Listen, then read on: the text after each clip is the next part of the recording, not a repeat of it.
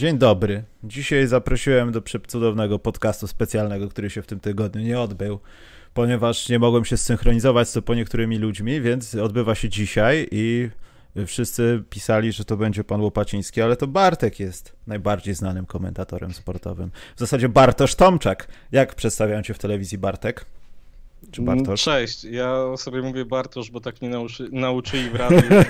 muszę się witać pełnym moim imieniem, chociaż tak ogólnie w życiu, jak się z kimś witam, to mówię cześć Bartek. I co, dobrze cię tam traktują? No nie narzekam w żaden sposób, więc y, jest okej, okay, jest miło. Wszyscy są mili?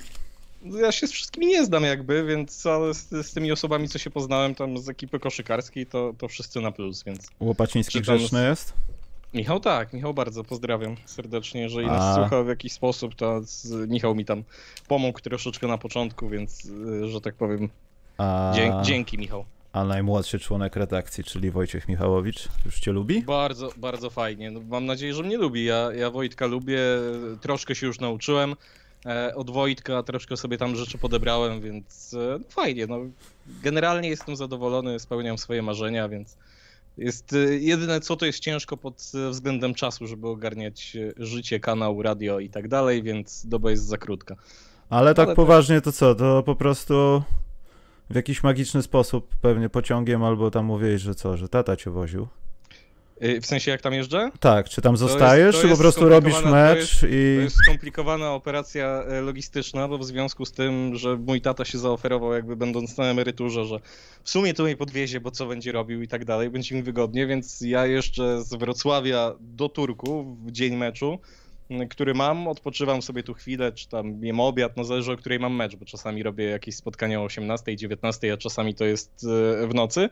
No, posiedzę tutaj, no i potem jedziemy do, do Warszawy, bo z Turku do Warszawy są jak dobrze depniesz, tak naprawdę dobrze depniesz, to są dwie godziny, dwie godziny 15, zależy jak tam w Wawce, no i tata mnie wiezie, jestem pasażerem, więc mogę sobie odpocząć, tata tam czeka pod kanałem, ogląda sobie na komórce ten mecz, ja skomentuję no i potem wracamy razem i potem cyk na Wrocław i, i jedziemy i robimy dalej. Czyli I można tak, powiedzieć, że dłużej tam jesteś niż podróż.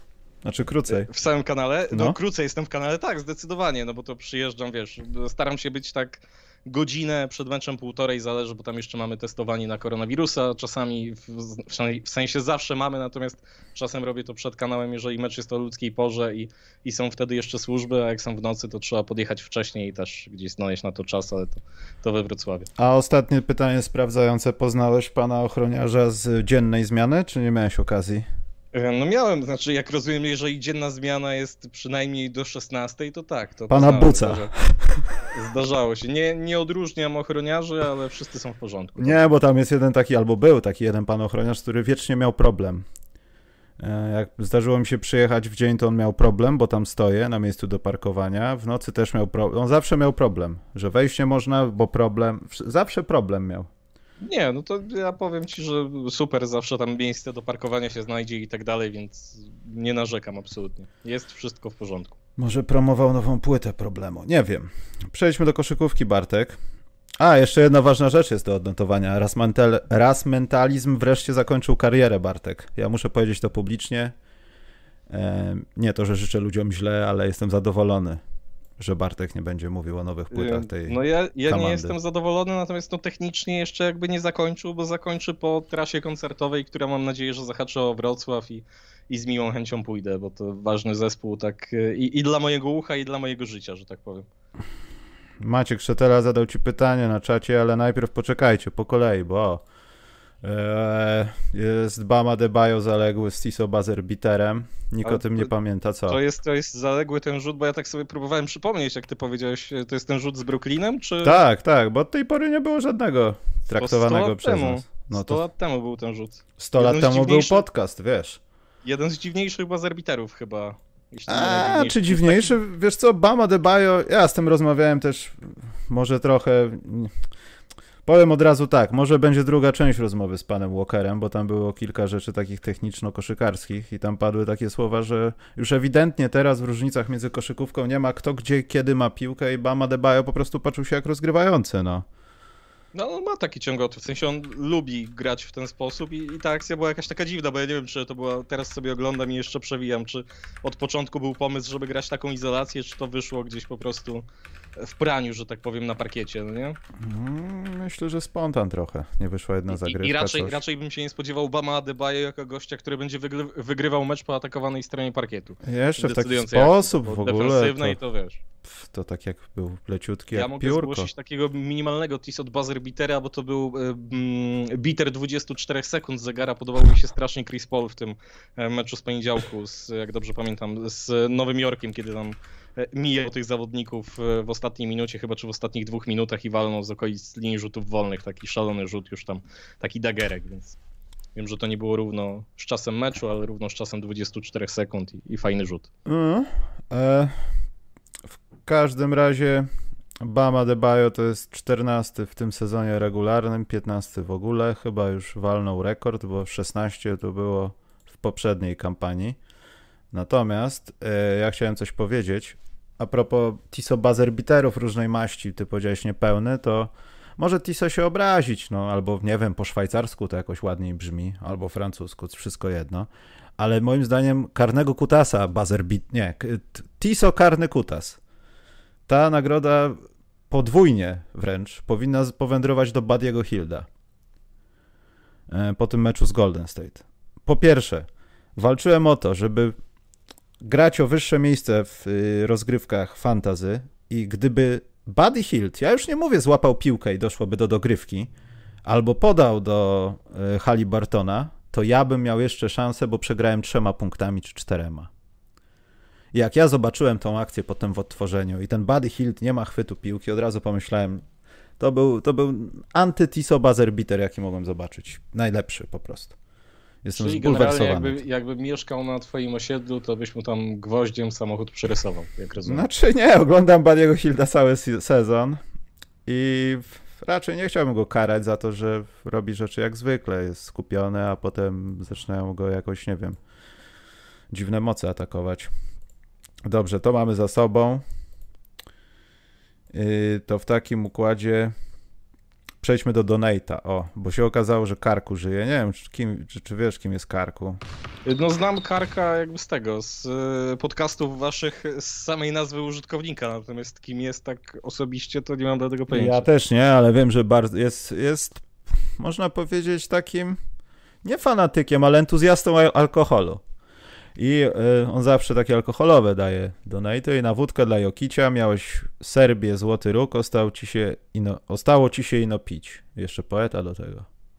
No dziękujemy Cześć. Karku. Najważniejsze jest to, że żyjesz. Pieniądze nie są ważne. Ważne, że raz na kwartał się odzywasz, znaczy, że woda cię jeszcze nie zabrała. Także bardzo dobrze. Jokic, Jokic dzisiaj zrobił ten mega blok na, na Zajanie, natomiast y, kurczę, jak oni w ogóle mogli doprowadzić do tego, że ten mecz się kończył ostatnim rzutem, to ja naprawdę jestem pełen podziwu, bo tam chyba na minutę przed końcem było 109, 101, coś takiego i, i liczba błędów już w tej końcówce Denver Nuggets y, przy podaniu spod własnego kosza, przy podaniu z połowy po czasie, to naprawdę kolejna taka, taka słaba końcówka. Denver tym razem się upiekło, natomiast pamiętam, miałem ten mecz e, też, kiedy w czwartej kwarcie w ogóle umarli totalnie, jak grali z Bostonem, gdzie rzucili 8 punktów, więc cza- czasami ciężko to wygląda. A miałeś mecz Bartek Rockets Grizzlies?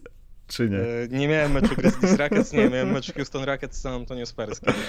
Ja chciałem, żebyś bardzo kiedyś zapowiedział mecz. Nie chodzi sam mecz w sobie, tylko powiedział, kto z kim będzie grał. Rockets Grizzlies, to No, powiem... Bardzo powiem szybko, komu- żebyś to powiedział.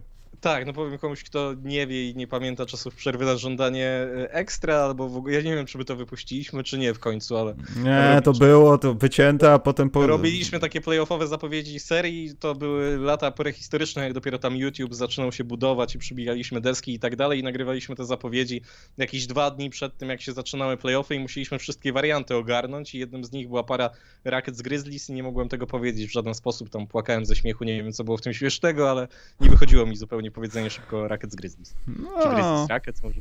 bardzo, bardzo przyjemna rzecz to była. Musisz to powtórzyć.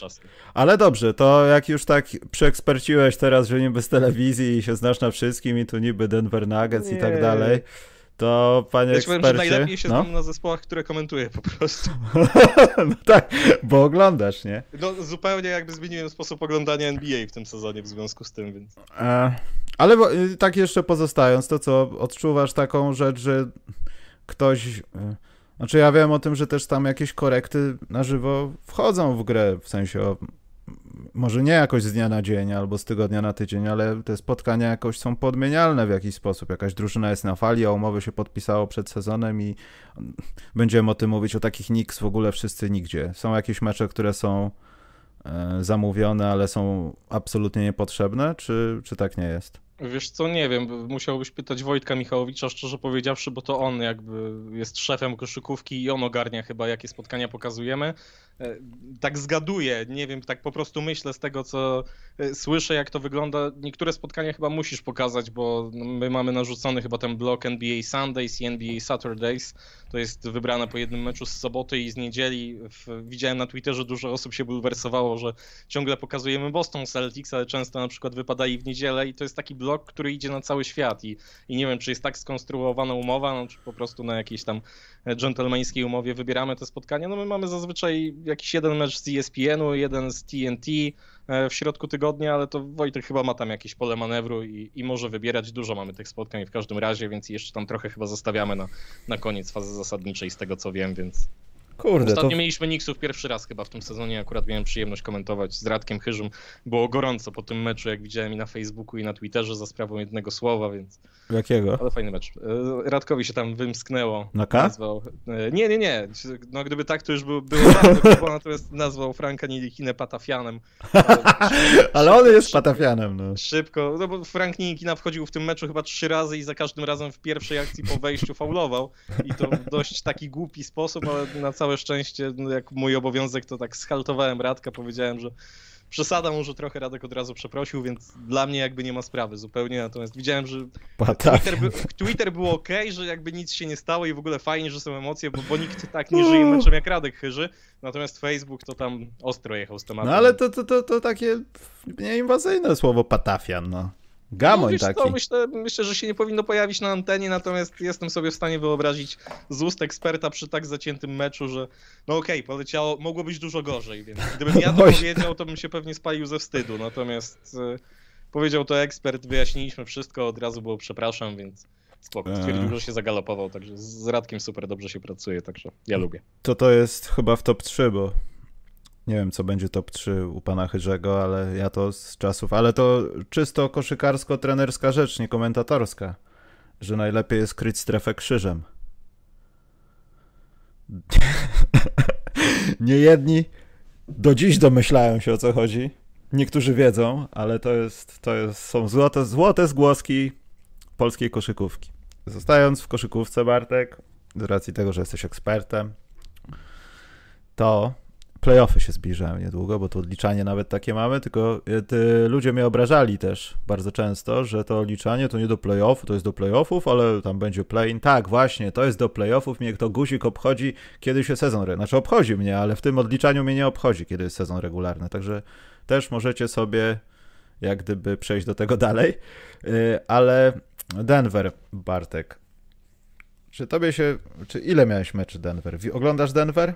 Wiesz co, będę miał z, z soboty na niedzielę Denver Los Angeles Clippers, miałem dwa czy trzy spotkania Denver Nuggets, więc y, tak, to oglądam. No, nie wiem o co chcesz zapytać konkretnie, pewnie czy bez y, Mareja są w stanie e, przejść. Znaczy bez Mareja, tam ogólnie teraz jest mocny szpital na obwodzie.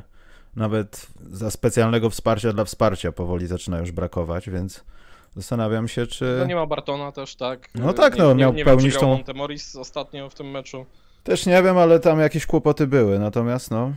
Znaczy, no to nie wygląda Denver dobrze. Problem Denver Nuggets będzie taki, że zostaną na czwartym miejscu i domniemam, że zagrają z Los Angeles Lakers, więc życzę powodzenia wpadając na Antonego Davisa i LeBrona Jamesa w pierwszej rundzie, bo wydaje mi się, że Lakersi przejdą dalej, więc... A czy to nie jest tak, że to właśnie ja po tym skasowanym tweetie nie będziemy robić dzisiaj co mnie wpienia, co nas wpienia, ale byłby nim LeBron.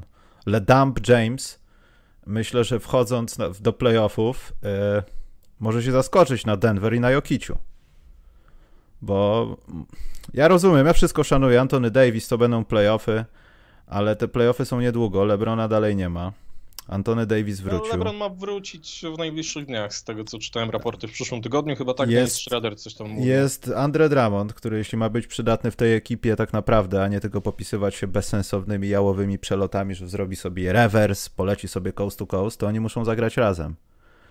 Mają to szczęście, że mają rozgrywającego, który chyba jest w takim momencie kariery, gdziekolwiek by nie był, to i tak by zanotował progres i to może ich trochę ratować i też odciążyć Jamesa od tych zadań prowadzenia piłki. Natomiast Denver na nich wiadą ze wszystkim, co mają. To jest mało, co mają, ale będą starali się robić wszystko. Zważywszy na to, że no też tam pojawił się Aaron Gordon i te takie rzeczy jak ścięcia z porterem, no dla Lakersów mogą być nie do ogarnięcia. Tam jest tylko jeden Antony Davis, który nie zagra całego meczu w playoffach. No ja lubię, ja lubię Gordona w tych dwójkowych akcjach z Jokiczem, czy może w takich akcjach, gdzie on tam ścina delikatnie do tego kosza i Jokic go tak leciutko tą piłką szuka, takimi siatkarskimi podaniami troszeczkę. Natomiast ja też nie mam wrażenia, chcę tu zobaczyć w tych playoffach, czy Nikola Jokic pewnie MVP tego sezonu, czy on będzie takim zawodnikiem wygrywającym mecze, bo on ma często takie spotkanie, że wiesz, tak sobie przychodzi powoli, potem dziabnie tam z 13 czy 15 punktów w jednej kwarcie i, i potem albo to dociągnie do końca meczu, a czasami się wyłączy jakby zupełnie. Nie wyobrażam sobie, czy to byłby Denver, czy jakiś inny zespół, z kim mieliby przegrać Los Angeles Lakers w pierwszej rundzie, jeżeli będzie LeBron James i Anthony Davis? No to jednak siła talentu jest zdecydowanie moim zdaniem po stronie Lakers już w tych dwóch zawodnikach. Jestem ciekaw jak będzie grał Michael Porter Jr. też, no bo na razie nam wygląda jak taki mały Clay Thompson w tym sezonie, ale czy to w playoffach też będzie działać, to zobaczymy. No, działało w poprzednich, więc teoretycznie powinno też w tych. Natomiast moim faworytem tej serii będą Los Angeles Lakers, zdecydowanie, no. chyba że nie będą mieli LeBrona Jamesa. Ciekawe dlaczego. Eee... Nie, no to absolutnie, jakby już zostawmy ten temat, bo jak mówiłem wiele razy, odkąd nie gra Kobe Bryant, nie interesuje mnie to pod tym kątem zupełnie, więc nie kibicuję Los Angeles Lakers, natomiast no, życzę powodzenia komuś, kto typuje przeciwko LeBronowi Jamesowi. Mm. No, ja życzę powodzenia temu. No właśnie tak, ja, ja poważnie życzę, bo to będzie bogaty człowiek. Poza tym wiesz, tak myślę, że LeBron pewnie jakby była taka potrzeba, to podejrzewam, że już by grał. Gdyby mm. to już teraz były playoffy, to by przyszedł. On sobie odpocznie, wróci taki wypoczęty, pyknie tam, nie wiem, z 5-7 spotkań, ile tam zostało do końca jeszcze, jak wróci w przyszłym tygodniu. Zrobi sobie rozbiegówkę, tę pierwszą rundę pewnie tak potraktują jak to Lakersi za dobrych lat. Oni nigdy jak zdobywali te mistrzostwa, to mam wrażenie, czy teraz, czy jak grali wtedy z Kobim, to oni nigdy nie grali na 100% prawie. Zawsze to miałeś takie wrażenie, że to jest 80%, 75% i tam może przez 5 minut klikniesz to turbo doładowanie jak w Formule 1 jest na prostych, możesz coś takiego takiego robić, i, a potem sobie wiesz, luzujesz i tyle. Jest czas na kasowanie tweetów, e, więc dlaczego Jokic, bo to mnie jakoś tak zatrzymało, Jokic dostanie MVP twoim zdaniem? Wiesz co, no ja myślę... Ja bo im wiem, głębiej dostanie... w ten sezon i tak powiem ci, że ja oglądam jakieś spotkania zaprzeszłe, których albo, albo obejrzałem, albo traktowałem jako i tak oglądając odtworzenie jako taki void w domu, żeby coś leciało, bo coś robię, a potem z uwagą to chciałem obejrzeć i skupiłem się mocno na zespołach, które mają w sobie pewnych panów z Grecji oraz pewnych panów, którzy nie byli za, zadowoleni ze swojego wyboru w drafcie. I wydaje mi się, że to Embiid wygrywa to. No, też chciałem to powiedzieć, że gdybym ja miał chyba tak typować już w tym balocie ostatecznym, to ja bym wolał zagłosować na Joela Embida, bo wydaje mi się takim bardziej dominującym zawodnikiem. Poza sensie, tym pozycja zespołu, wiesz o co chodzi. Tak, no to, to, to są dwie rzeczy. Jak spojrzysz na Jokicia, to okej, okay, te statystyki są gdzieś tam na poziomie triple-double, jakieś monstrualne, jak na tego typu zawodnika, jak na centra, to, to nikt takich rzeczy nie widział i to fajnie wygląda w cyferkach, ładnie to wygląda w obrazku, w highlightach, natomiast to, o czym mówiłem, że czasami mam wrażenie, że żeby on do tego meczu przyszedł, to, to trochę musi musi minąć i niekoniecznie zawsze jest w tej czwartej kwarcie takim egzekutorem, czasem jest tym gościem, który podaje i tak dalej, a, a do Embida podajesz na blok, podajesz pod kosz, czy Embid sobie czasem wyjdzie na, na trójeczkę, no i Embid jest bestią i, i, kończy, kończy te mecze i daje zwycięstwa Filadelfii, bez niego Filadelfia chyba, jak dobrze pamiętam, też sobie całkiem nieźle radzi, natomiast on przyszedł z taką misją do tego sezonu, bo on w zeszłym nie został wybrany, e, poprawnie jeśli się mylę, do żadnego zespołu All-NBA Team i był bardzo niepocieszony z tego powodu, więc widać tam jego sportową złość w tym sezonie. I myślę, że drugie miejsce, czy pierwsze też też jak będą mieli, no bo to jest różnica jednego spotkania e, w zasadzie między nimi a, a Brooklyn Nets, to dla mnie to powinno przeważyć na korzyść Embida, no bo Denver Nuggets skończą na czwartym miejscu. Nie podejrzewam, żeby łyknęli tutaj Los Angeles Clippers jeszcze, chociaż to jest mecz, czy dwa, dwa mecze różnicy, tak? Nie no, Clippersi to mieli ten horrendalny swój run, którym trochę odskoczyli od reszty. Znaczy, od, zobacz, odskoczyli od reszty, są na trzecim Znaczy od reszty, miejscu, no są top wsko- 3 dzięki temu, no tak. Nie wskoczyli na jedynkę, nie wskoczyli na dwójkę i mają Denver Nuggets za swoimi plecami. To też jest siła konferencji zachodniej w tym sezonie, że wydaje ci się, że robisz jakieś monstrualne rzeczy. Oni chyba e, nigdy nie mieli tak dobrej serii jak to, co mieli w ostatnim czasie. I po takiej serii to by ci się wydawało, że nie wiesz, wystrzelą na, na pierwsze miejsce albo zrobią sobie taką różnicę, że w ogóle za siebie to się e, nie będą oglądać absolutnie, a, a jest ciasno na tym zachodzie. Ale czy też Lakersi to wiemy, że tak. E, O tych niżej nie będę mówił, bo tam to jest po prostu nie walka o widzimisię, tylko walka o byt. Albo o odbyt. Patrząc na niektóre drużyny, to jest bardzo odbyt. Ja czekam mocno na przykład na Portland, jak mówisz o tych niższych zespołach, bo akurat też mam Portland e, z piątku na sobotę e, z Brooklyn Nets i czy oni odpowiedzą jeszcze w końcówce tego sezonu zasadniczego. Słabego raczej dla nich. Terestoc jest na takim gorącym krześle. Oni grali beznadziejnie w tych ostatnich meczach, jak mieli tą serię pięciu porażek. No Memphis Grizzlies i Jamorant to z nimi tam robili w ogóle co chcieli. Przecież bawili się jak e, z No juniorami. tak, ale to, wiesz co, ja bym tego nie postrzegał jako, jako to, że Terry Stotts, to wielka narracja, tylko nawet sam McCollum, nie pamiętam który, McCollum albo Lillard, po prostu powiedzieli w żołnierskich słowach, że gramy do dupy. No, tak, jak najbardziej. Natomiast to, nie wiem, nie masz takiego wrażenia, że już czas tego zespołu pod Terem Stotsem minął, bo ja bym chciał zobaczyć coś nowego w Portland. A co byś zobaczył nowego? Nawet gdyby tutaj przyszedł Phil Jackson i zostawić tą drużynę taka jaka jest, to na koniec dnia będziemy, do czego też chciałem trochę przejść, rozmawiać o tym, kto jest bardziej wartościowy, czy taki Jokic, czy chociażby Damian Lillard, który wydaje się być bardziej wartościową Ale osobą w tej też drużynie. nie ma jakiegoś takiego fantastycznego sezonu. No nie, on sam mówi, że jest fizycznie najgorszy sezon w ogóle w jego karierze i, i teraz faktycznie to, o czym mówisz, on, on wyszedł jako pierwszy i powiedział, że kurczę, ja gram słabo, muszę to zmienić. No miał ten mecz z Indianą, gdzie tam Brogdon narzucał w pierwszej kwarcie chyba 12-14 punktów Mm. i Lillard na nim usiadł w drugiej kwarcie i nagle się wszystko skończyło dla zawodnika Pacers. Jestem ciekawy o tyle, że, że oni mówili, że wystarczy już takiego grania do dupy za przeproszeniem i teraz się musimy wziąć w garść i czy się wezmą, bo oni mają chyba, nie wiem, piąty najtrudniejszy terminarz do końca sezonu? Piąty, tak. I, i grają naprawdę z Jazz, Suns, z Nets, teraz z Nuggets, Lakers, Hawks, więc nie zazdroszczę im, natomiast chciałbym ich zobaczyć w tej górnej szóstce chyba, bo bardzo lubię Damiena Lillarda. E, bo ja mówiłem właśnie o tym, że Clippersi, no Portland wiadomo nie, ale to są te drużyny Clippersi, Denver, Lakersi to wiadomo, no. Tam to LeBron ma w głowie, że trochę też nieważne, gdzie jesteś na tym miejscu, ale wydaje mi się trochę, że Phoenix Suns może mniej, no bo tam jest Chris Paul, on wiadomo jaką ma historię swoją z playoffami, jak wyglądała, jak wygląda cały czas w zasadzie. I Phoenix może też nie do końca zależy na tym, żeby być najlepszym w całej NBA albo na zachodzie, ale trochę mam takie wrażenie, to też Denver w kilku sezonach ostatnich jakoś dotknęło. Może nie chodzi, jeśli chodzi o samą jedynkę, ale o bycie gdzieś na szczycie, że to Utah Jazz może przepalić potencjał. W sensie No ja- fajnie, zagwarantujemy sobie pierwszą rundę, pojedziemy z tą wymęczoną, biedną ekipą, która zagrała playoffy przed playoffami o to, żeby być na siódmym albo na, na ósmym miejscu, przepraszam, i żeby, żeby po prostu ją odprawić jak najszybciej do domu, a potem przechodzimy do następnego przeciwnika. Wydaje mi się, że to, że oni tak są postawieni bez konkurencji w zasadzie. Większość tych spotkań wygląda tak, że no fakt, no, część z tych spotkań Jazz gonili, dogonili, zagryźli i pokonali. Po prostu jak taki leśny predator dosarny. Ale w części z tych spotkań to, no to była dominacja no, od początku do końca.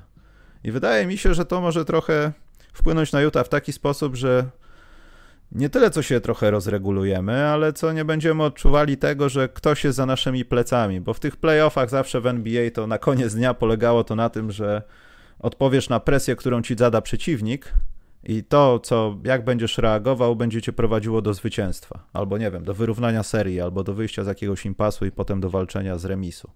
Wiesz co, no ja mam... Mhm. No nie, skończyłem, skończyłem. Ja mam, ja mam z Utah taki sam problem jak z Milwaukee Bucks. W sensie nie wierzę w ich sezon zasadniczy. Jak mi to udowodnią w playoffach w pierwszej rundzie, to wtedy będziemy rozmawiać, że ok, Utah Jazz zespół numer jeden po fazie zasadniczej, może gdzieś tam jakiś faworyt, czy zespół e, z drugiego szeregu. Ja stawiam wyżej Los Angeles Lakers, Los Angeles Clippers, nawet bym się pokusił, że Phoenix Suns y, mogą być faworytem w serii z Utah Jazz, bo mają Chrisa Paula, a poza tym, że jak Chris Paul tam by się nie skontuzjował, to, to może zagrać fantastyczne playoffy na przykład, bo pamiętamy gdzieś tam historię, że, że nie mógł grać w jakimś meczu i to Clippers chyba wtedy odpadli, tak, lata, lata temu, więc jak Utah Jazz najpierw niech zagrają tę pierwszą rundę, nie sądzę, żeby się tam mieli potknąć, ale pamiętam też to, co się działo w bańce, okej, okay, to były inne okoliczności, ale oni mieli co, 3-1 z Denver Nuggets? Chyba tak mhm. było, no nie? I, i Denver takiego. dojechało. Milwaukee Bucks to samo. Ile oglądaliśmy tych fantastycznych sezonów zasadniczych? Dwa razy już chyba, tak? Bili wszystkich e, w fazie zasadniczej, przyszły playoffy, ściana na Janisa i, i sorry, nie wiemy co się dzieje, no nie? Więc to są takie dwa zespoły, na które mocno czekam w playoffach, żeby mi pokazały, że faza zasadnicza była super, ale to też będzie super w playoffach, a nie, że to są dwie osobne historie. Poza tym tak porównując trochę, no też nie da się jeden do jednego, ale Utah i Milwaukee to ja mam wrażenie trochę, że Milwaukee to, no wi wiadomo, Antek, ale no nie są, nie, może nie w połowie, ale nie stanowią dobrego porównania jeden do jednego. To jest jakieś, no nie wiem, niech będzie 50%. Jazz nie tylko są dobrzy w sensie nazwiska, ale co wielokrotnie powtarzaliśmy, po prostu mają kontynuację składu. Znają się, to jest ważne. To wydaje się tylko, że a, tam raz na jakiś czas zbiorą się Brooklyn Nets i oni od razu to... Nie, to tak prosta rzecz. Nawet ten Joe Ingles, który pozornie wygląda na gościa, którego nie chciałbyś ustąpić miejsca pod Lidlem do parkowania, on potrafi zdobyć 20 punktów nie dlatego, no oczywiście jest świetnym koszykarzem, ale dlatego, że po prostu zna się z tymi ludźmi. Oni wiedzą, gdzie podać, gdzie zagrać. Tego się nie robi w sezon czy, czy w kilka miesięcy. I to jest bardzo ważne. Tylko jak to przełoży się na presję playoffową, która nie ma się nijak do tego wszystkiego.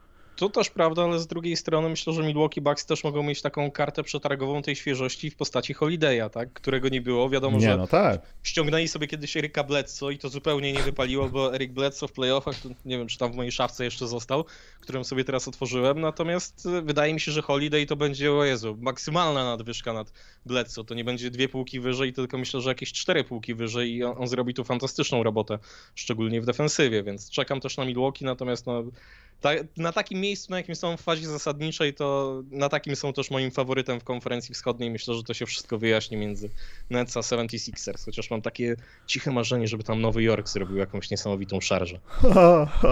To nie, to chyba, chyba to, nie. nie. Nie, nie, to się nie zdarzy, natomiast kurczę, chociaż żeby przeszli pierwszą rundę. Ja tak żałuję, że nie ma tych kibiców w Nowym Jorku, w sensie jest tam 1960 coś chyba tych osób może wejść na, do hali Madison Square Garden, natomiast kurczę, wyobrażasz sobie Michał ten sezon New York Knicks z tą halą pełną kibiców, to przecież by było oni już by tam banery mistrzowskie wieszali, podejrzewam. Tam już by policja nie wpuszczała kibiców na teren, bo NBA by zawiesiła, wiesz, jakaś burda. Nie, coś by było. Nie, teraz by odwiesili obiekt, moim zdaniem.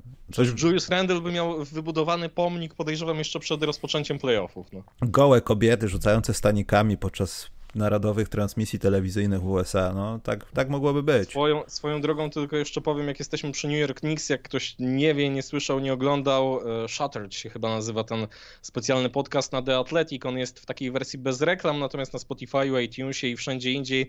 E, historia New York Knicks z ostatnich 30 lat, od lat 90., taka podzielona na odcinki, już pięć odcinków było chyba naprawdę fajna, taka podcastowa narracja prowadzona, taki audio w zasadzie, to chyba... odcinki i świetna sprawa. To, to dlaczego aż tak długie to jest? W, sensie, że godzinę to trwa? Nie, dlaczego aż 5 odcinków? 30 e, lat ogólnie, można by o, zrobić w jednym jest i 7, to... wiesz? Ogólnie jest 7. Najpierw to był początek lat 90., gdzie mogli wygrać tytuł, e, potem była era Jamesa Dolana, potem było chyba Linsanity, teraz był odcinek, mi się wydaje, z melodramą i ze ściągnięciem Carmela Antonego, więc... Mhm ale naprawdę bardzo fajna seria polecam. Dobrze. Zrealizowana. To zamknijmy rozmowę na temat zachodu, bo temat tego, że Minnesota wygrywa nas kompletnie nie obchodzi. To nie jest nasz problem. Nie, tak poważnie, no co oni mają zrobić? Przychodzić na mecze i celowo sadzać ludzi i niech pograją przynajmniej tą końcówkę sezonu. Bo Możesz to, że mogą stracić pik w drafcie. Thunder, no Ale no, Oklahoma, przepraszam, przepraszam bardzo, ale wygrali spotkanie w dzisiaj w nocy. Nie, to jak no, śmieję się z tego, co zrobili z Horfordem na przykład. No, no. sieć końca sezonu i okej. Okay, no. Nie no, ale przegrali prawie ostatni, nie wiem ile tam było. 15, 13 ostatnich spotkań, nie licząc tego. Star staram się szczerze powiedziawszy nie oglądać tych zespołów. A ja właśnie lubię oglądać Dorta, lubię oglądać Bazleya, bo to jest przyszłość NBA. Potem będziesz się pytał, o, jak, gdzie oni grali. Nie oglądałeś? Nie wiesz. A ja to robię.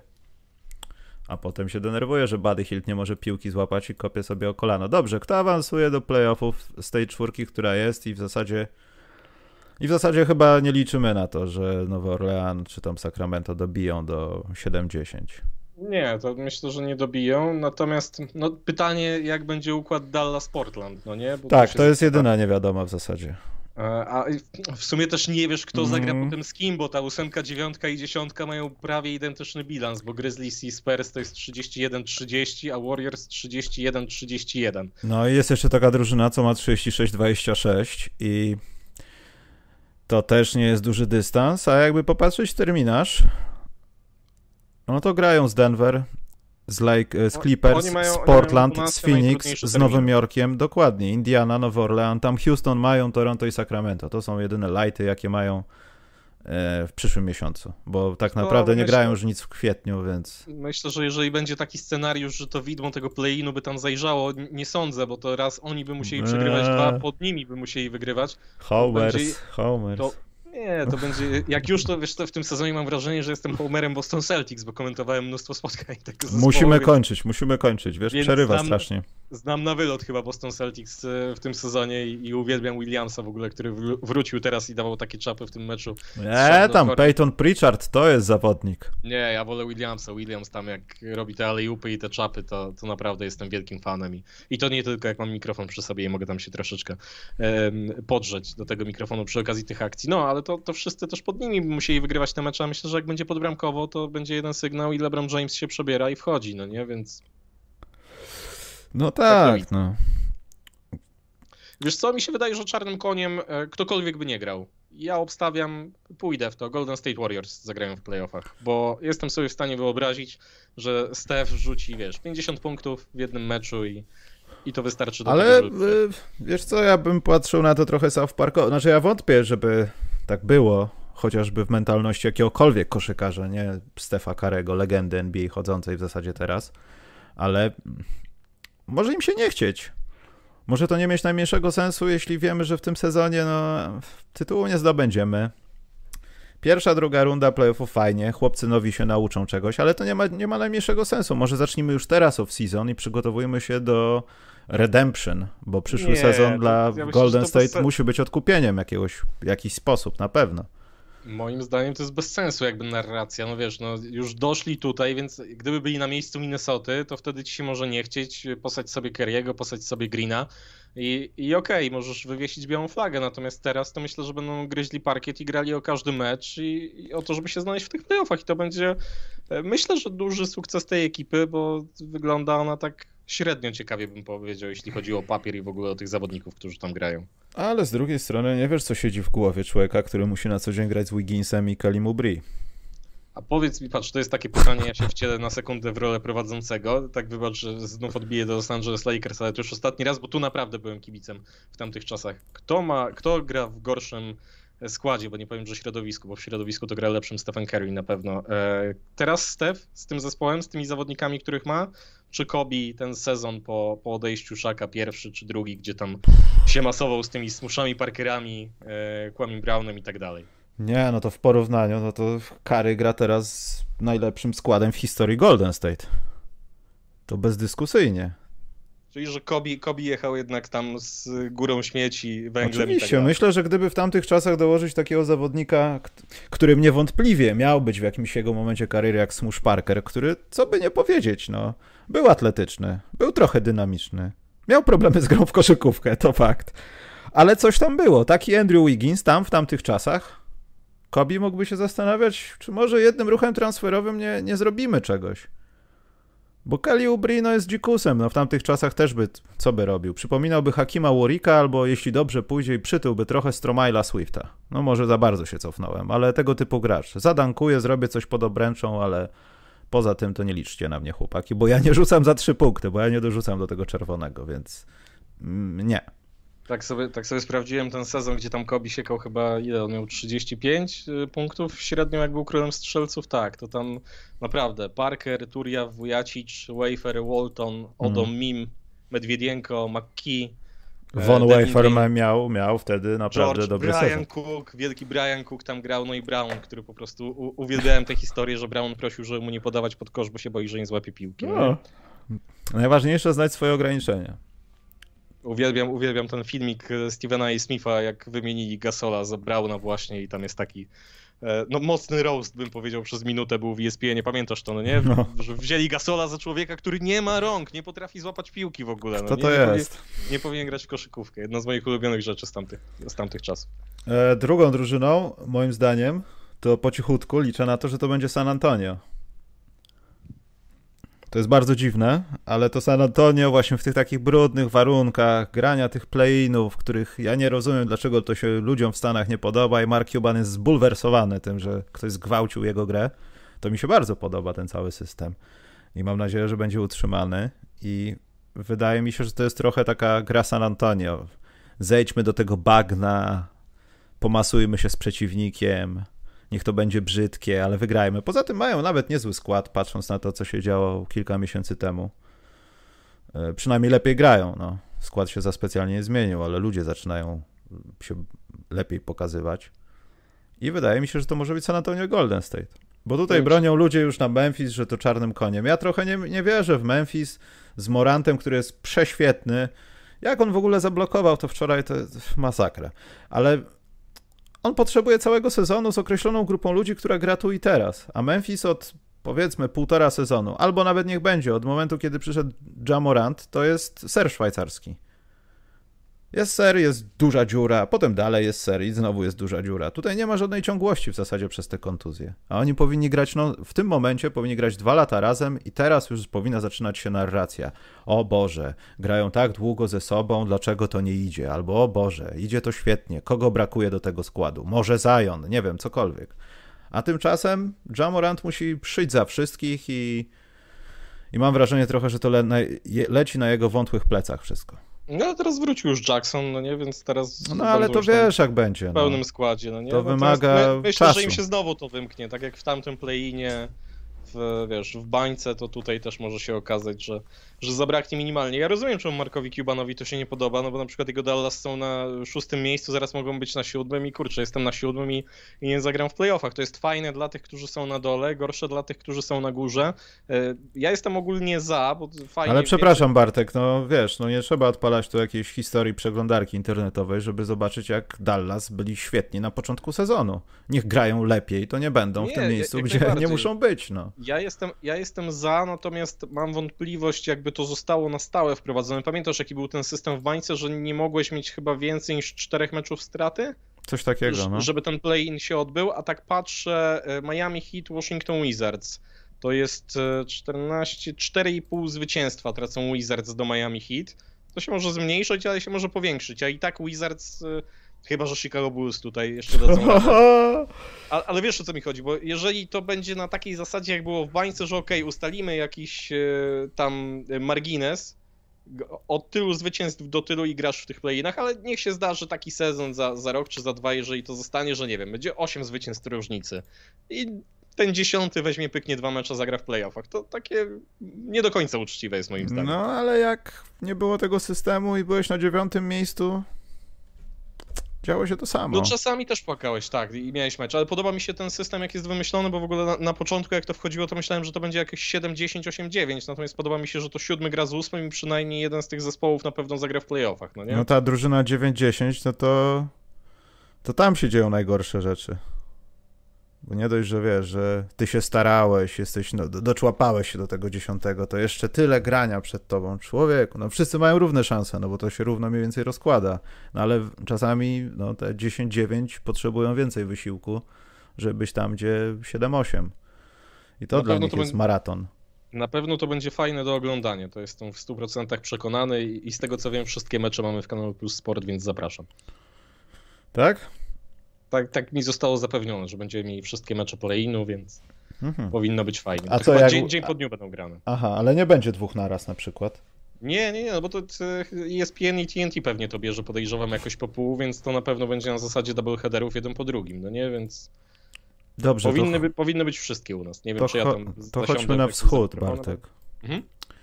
Bo na wschodzie to wszyscy sobie myślą, że Filadelfia, że Brooklyn, że Milwaukee. No i właśnie już potem nikt nic nie myśli i to mi się nie podoba na wschodzie, Bartek. Ale mam takie, mam takie wrażenie, że tak, no Boston, to co się tam dzieje, w jaki sposób oni grają, w jaki sposób to jest pechowe, szarpane i tak dalej, bo wszystkiego jest po trochu. Kemba powinien zostać sklonowany, że jak go nie ma, to go wstawiają i tak, bo tym jestem mocno też trochę zawiedziony w przestrzeni całego sezonu, ale wydaje mi się trochę, że ten wschód jest pozostawiony tak naprawdę, ja już pal 6 ten, to wszystko, co się działo w Nets, ale to jest wszystko pozostawione w ręce jednej, no, dwóch drużyn. I tak naprawdę wszystko jedno, czy do tej dwójki brać Nets, Bucks czy Sixers, niech będą trzy drużyny, to mam takie wrażenie, że od tego czwartego miejsca do dziesiątego to w zasadzie nie ma żadnego znaczenia. Ja wiem, bilans znaczy, jest różny, kątem, ale pod kątem, pod kątem sportowym, tak, tak, pod kątem walki o playoffy, no nie oszukujmy się, Nowy Jork będzie objawieniem w playoffach. To objawienie może skończyć się w pierwszej rundzie, może zakończyć się, tak jak mówiłeś o tym podcaście, tak samo jak w poprzednich latach, ostatnich 30 lat, czyli gdzieś na przykład w finale konferencji. To jest niewykluczone. Może tak być, ale pewnie tak nie będzie. Natomiast jeśli chodzi o Atlantę, Atlanta. Na Atlantę, na średnia wieku zawodników Atlanty jest taka, że jak y, ich koledzy z innych drużyn w konferencji wschodniej przychodzili do draftu, to oni nie wiedzieli, jak przeliterować playoffs. Więc ich doświadczenie, to, że tam jest kilku doświadczonych zawodników, ale ogólnie no, jądro drużyny no, nie jest, nie jest okrzesane w walce, y, spowoduje, że ta drużyna też skończy w pierwszej rundzie bądź też ma duże, duże szanse. Charlotte Hornets, którzy są fan to watch i awansują z play-inów, są dokładnie na takim samym poziomie sportowym jak Atlanta Hawks. Lamelo Ball będzie w playoffach. Ewentualnie. Washington Wizards mają dwóch super gości, trzeciego super gościa, na którego zawsze liczyłem, Chicago po prostu go oddało, Daniela Gafforda i oni wygrali ostatnich, ile tam są, 11-2 od kiedy zadziała się ta cała wymiana. Gafford miał ten super mecz na, na Zajanie po prostu jak go nakrył czapką, to ale... już gadaliście chyba o tym z Karolem. Tak, ale Gafford gra koszykówkę, bo mu dają grać w koszykówkę. W Chicago nie było dla niego miejsca, bo był Wendell Carter, który jak się okazuje i patrząc na to, co robi w Orlando w tych aspektach takich, w jakich najlepiej pokazuje się Gafford, y, Carter po prostu nie istnieje, nie ma go, więc też byłem ciężko zdziwiony, dlaczego tak to się porobiło w Chicago, a, a nie indziej, że, no, a nie na odwrót, że tamten był w G League, a ten był w zasadzie pierwszopiątkowym zawodnikiem. No ale nic to, obaj poszli w, w, dwa, w dwa różne kierunki i wydaje mi się, że to Waszyngton może być nie tyle optycznie, co nawet w tych playoffach lepszy od nawet takiego Nowego Jorku, jeśli chodzi o doświadczenie, o jakąś bazę do tego, gdzie był chociażby Russell Westbrook. Chociaż to się może w ogóle nie przełożyć na sport i na współzawodnictwo jakieś, o coś. Ale mam problem z tym, że na wschodzie w playoffach oczywiście okaże się inaczej i wyjdzie na to, że gadam bzdury, ale mam wrażenie takie, że na tym wschodzie jakby były tylko trzy drużyny, to nie zrobiłoby to większej różnicy w finałach nawet. Nowy Jork ma trochę tego doświadczenia w postaci Derricka Rose'a, nie wiem jak tam z jego kolanami no będzie, na razie no. jest zdrowy, więc super. Taż Gibson, to są to zawodnicy, którzy nawet nie te, te playoffy liznęli, co jedli naprawdę wielką łyżką przecież kiedyś. Kiedyś, grając... kiedyś tak, 10 no, ale... lat temu Bartek to było, to było myślę, dekadę temu. No ale to jest to doświadczenie, tak? Więc Derrick Rose myślę, że spokojnie na, na finiszu w czwartej kwarcie jest w stanie brać te mecze. E, nie wierzę, że ktokolwiek pokona Brooklyn i Filadelfię, nawet że to będą Milwaukee Bucks, nie widzę tego jakoś szczególnie. E, I pewnie myślę, że jest duża szansa, że te playoffy będą mocno przewidywalne na wschodzie. E, natomiast ja mam tutaj takie trzy zespoły do niespodzianki. I to mogą być Miami Heat, jak trafią na Milwaukee Bucks w playoffach i nie sądzę, że Janis będzie zadowolony, że będzie grał przeciwko Miami Heat. Mimo, że mają sezon taki, jaki mają, to jednak gdzieś pewnie ta defensywa jest w pamięci Janisa. Tak, wiesz Myślę... co, ja mam takie wrażenie trochę, że Miami potrzebują właśnie takiego przeciwnika. To jest to, o czym mówiłem. E, takiego przeciwnika jak Milwaukee. E, Miami z Charlotte, gdyby, gdybyśmy dali serię taką w pierwszej rundzie, albo z Atlantą, Oni odpadają, bo oni grają z gorszym przeciwnikiem potencjalnie, który robi co chce, jest bardzo ofensywny i nie wywiera takiej presji, tylko nas po prostu przejeżdża. Ale w Milwaukee jest zupełnie inaczej. My musimy, ej, to jest Ant to jest prawie mistrz NBA, to nie, dobra, jedziemy z nimi. I w tym momencie Miami może się odpalić. Jak odpalili się, to już widzieliśmy, co zrobili. Jako drużyna, kolektyw.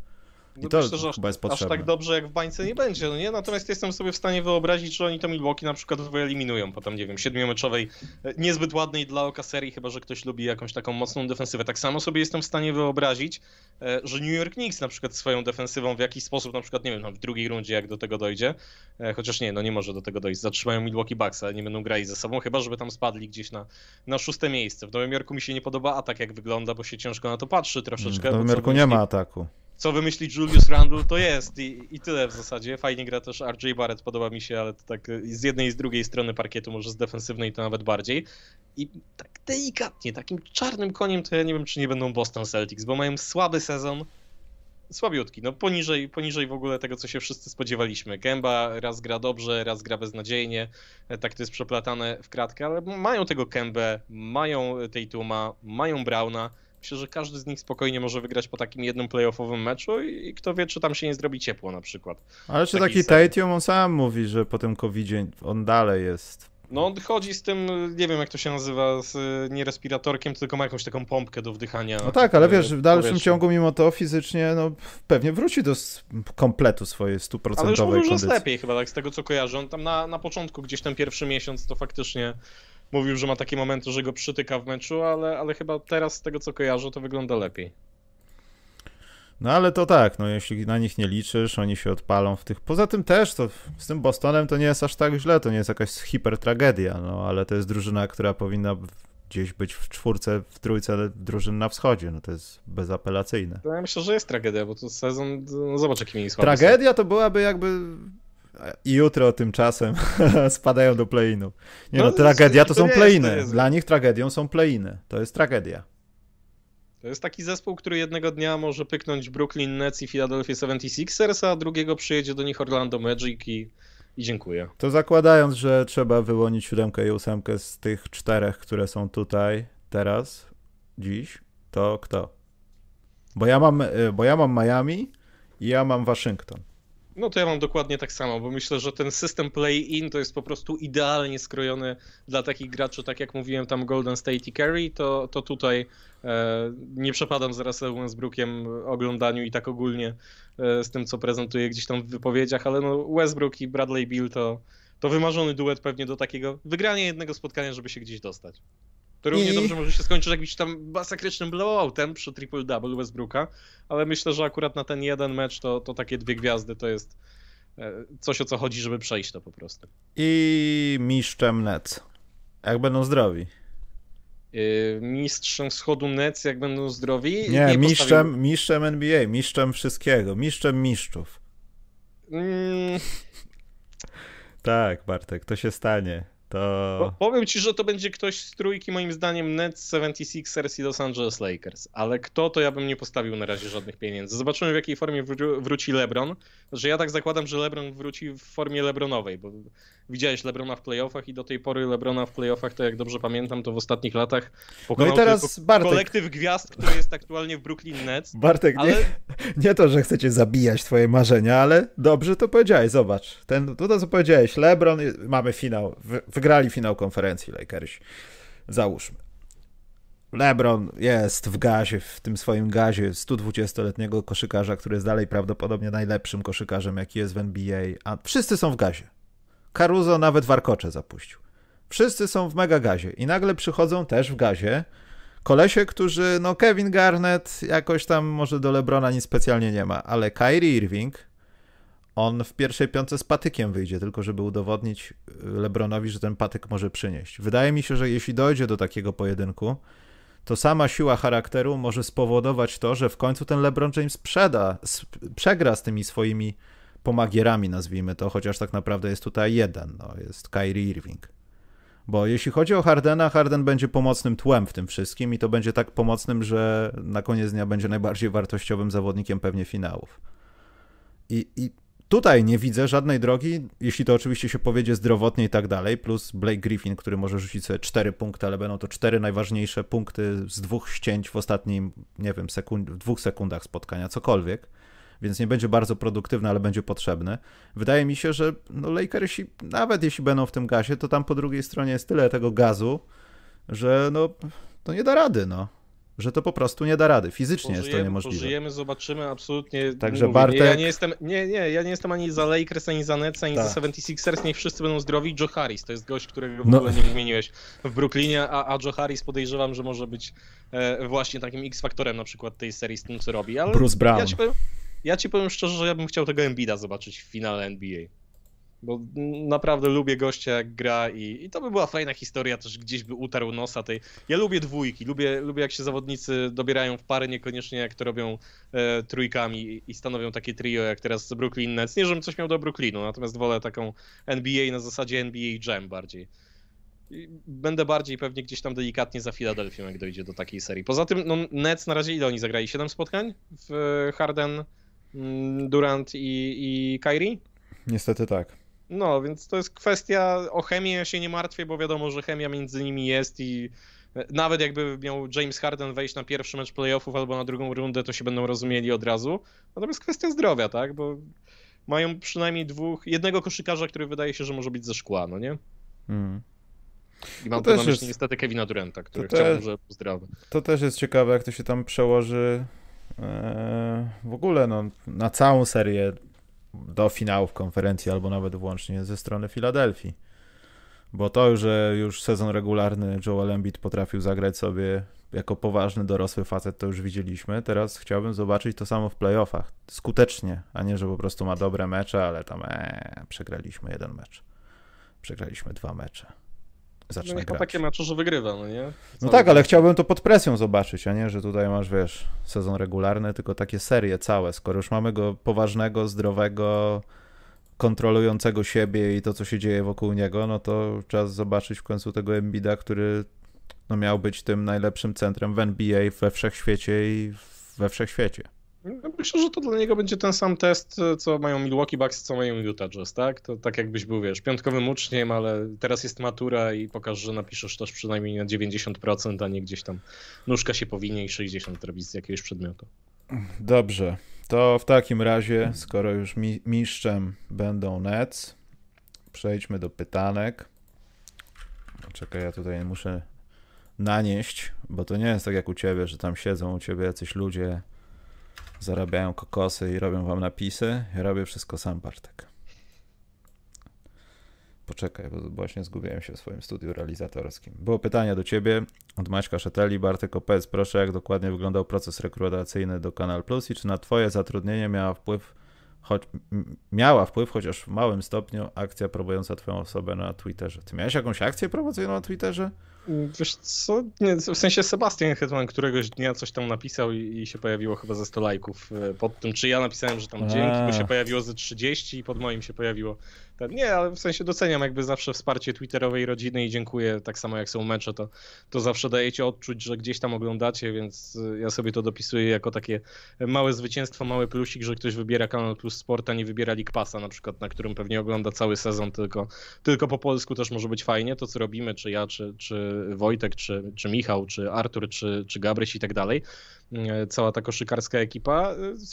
Jak ten proces wyglądał? Ja byłem w Kanał Plus dawno, dawno temu, w 2013 roku chyba, na takim tygodniowym jakby stażu.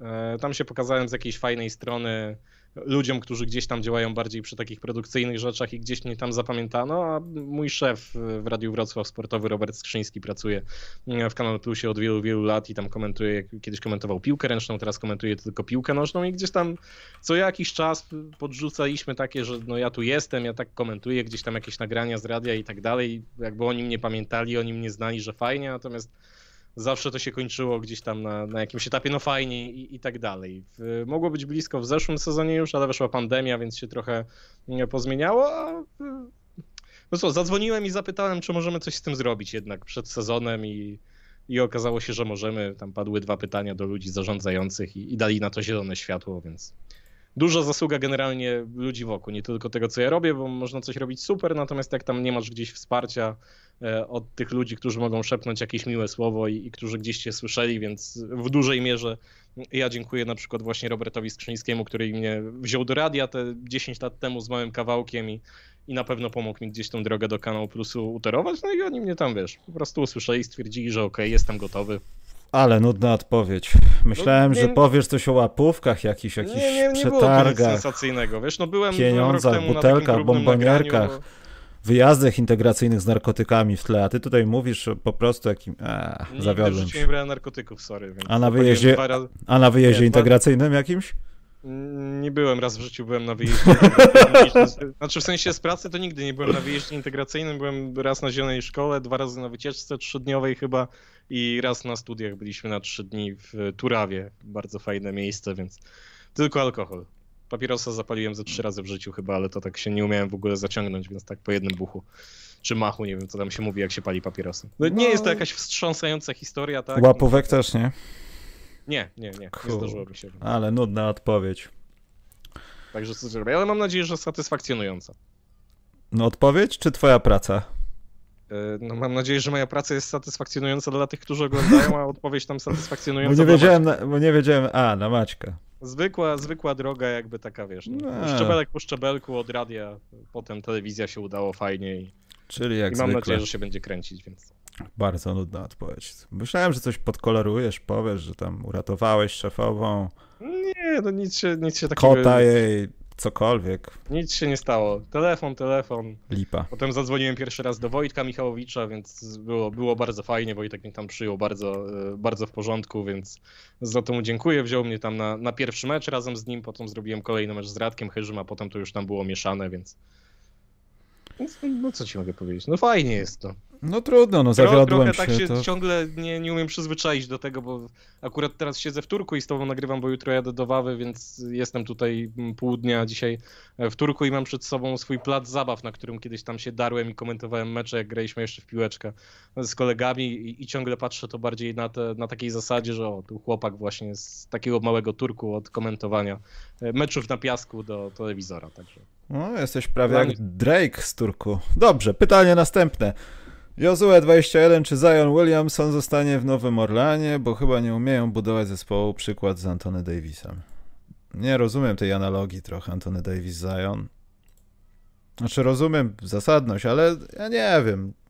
Nie chcę skreślać Ziona. Zion to jest trochę inna sprawa w dzisiejszej koszykówce, bo nie rzucamy, ale robimy wszystko, żeby zamordować ludzi pod koszem i to, to, to nigdy chyba w historii NBA nie było takiego gościa poza jakimś Billem Russellem wcześniej, który molestował matematyków, e, czy też inne dzieci z podstawówki, e, że ktoś atakuje non-stop obręcz. To jest, to jest precedens, a jeśli nie, no to w ciągu ostatnich dwóch, trzech dekad poza Szakiem, no to ja nie widzę, znaczy Szakiem, no zawodników, którzy byli podobnych rozmiarów co Zion, to nie wiem, czy dużo znajdziemy, którzy w ten sposób grali, produktywnie grali, bo to nie są tylko wsady Derrick Jones w pierwszym sezonie NBA, tylko to jest produktywna gra, no po prostu. A czy zostanie, to zależy od tego, co Nowy Orlan będzie miał do zaoferowania, bo po tej umowie debiutanckiej no może się no, znaczy, zgodzić na przedłużenie, no, na przykład, bo no na tak pewno będzie szło to. No, nie? Jest... no ja mówię o tym przedłużeniu takim niby tej nowej umowy, no.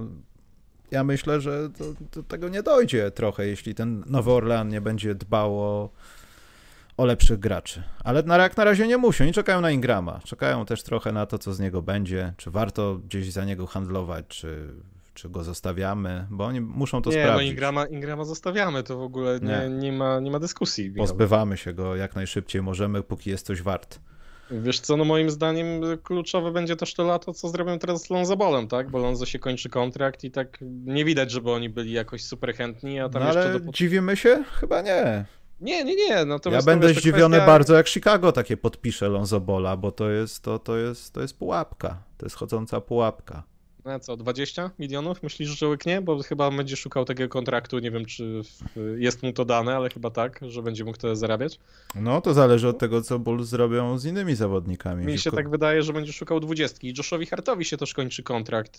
I ja myślę, że trzeba dać Pelicans e, takie dyskusje to w następnym sezonie bo w tym sezonie jest nowy trener, Stan Van Gundy, który nie może za specjalnie z tym zespołem trenować ze względu na COVID, w sensie wiem, że inni są w stanie poprawić tam defensywę, patrz Tom Thibodeau z Knicks i tak dalej, ale dajmy temu Van czas, żeby sobie z nimi normalnie potrenował. Ja myślę, że już w przyszłym sezonie wszyscy będą zaszczepieni z zawodników albo większość, więc będzie normalnie, nie trzeba będzie tam do noska brać e, codziennie i się testować i będzie trochę więcej czasu na treningi. Ten sezon nie będzie taki skondensowany, tylko normalny i jak wtedy to nie będzie wypalało, to, to się będziemy mogli zastanawiać. Mi się bardzo podobało, akurat jak komentowałem ten mecz y, Pelicans z Knicks, to sobie tam poszpyrałem w New York Post i innych tam nowojorskich mediach. Wiesz, że tam już były teksty po, po tym meczu, że Nowy Jork to on nie tylko wygrał z Pelicans, to nie był jeden mecz, ale pokazali już Sionowi, jak może wyglądać, jak będzie grał w Nowym Jorku. Tutaj dojdzie do takiego, niewyobrażalne jest. Ten Nowy Jork to jest najlepsze miejsce na świecie po prostu, żeby chyba pisać o koszykówce, mówić o koszykówce i żyć w ogóle z koszykówki. No tam wystarczy jeden mecz wygrać i jesteś w stanie dobudować 20 narracji do tego. No. Ja na żywo nie dotknąłem, nie pamiętam, może oglądałem z tych szalonych powtórek w TVP, ale Nowy Jork i tego typu gracz kojarzy mi się tylko z jedną postacią, aczkolwiek chyba ta osoba, której mówię, dobrze rzucała z dystansu, ale głównie też mi się kojarzy z siłą fizyczną, z wyjściami pod kosz, też taką korpulentną, lekko budową ciała, Bernard King. To stare czasy już jak cholera, Michał. I Bernard King skończył bardzo źle. I, wygl- I odpalcie sobie na YouTube Bernarda Kinga, to jest prawie Zion. Zion trochę lepiej wygląda od Bernarda Kinga, ale Bernard King bardzo źle skończył. Znaczy, żyje, nie? I są kłopoty z jego Hall of Fame i tak dalej, bo on się chyba trochę obraził na nich, w ogóle na całe środowisko NBA, ale to jest zawodnik, który tam źle skończy. Nie, Zion, nie rób tego. Hype cię zabije. Bądźmy dobrej myśli, że będzie dobrze.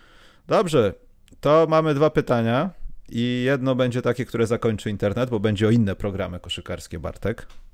Mhm. Będziesz mógł przeklinać w końcu, bo wiem, że czekasz na to. Czy liga jest soft, bo coraz mniej jest zawodników, którzy umieją penetrować do kosza, bo wolą palić struje, bo się boją o swoje zdanie. Strasznie duże bo. Sami możecie zobaczyć, jak zaczniecie wymieniać. Jozue 21.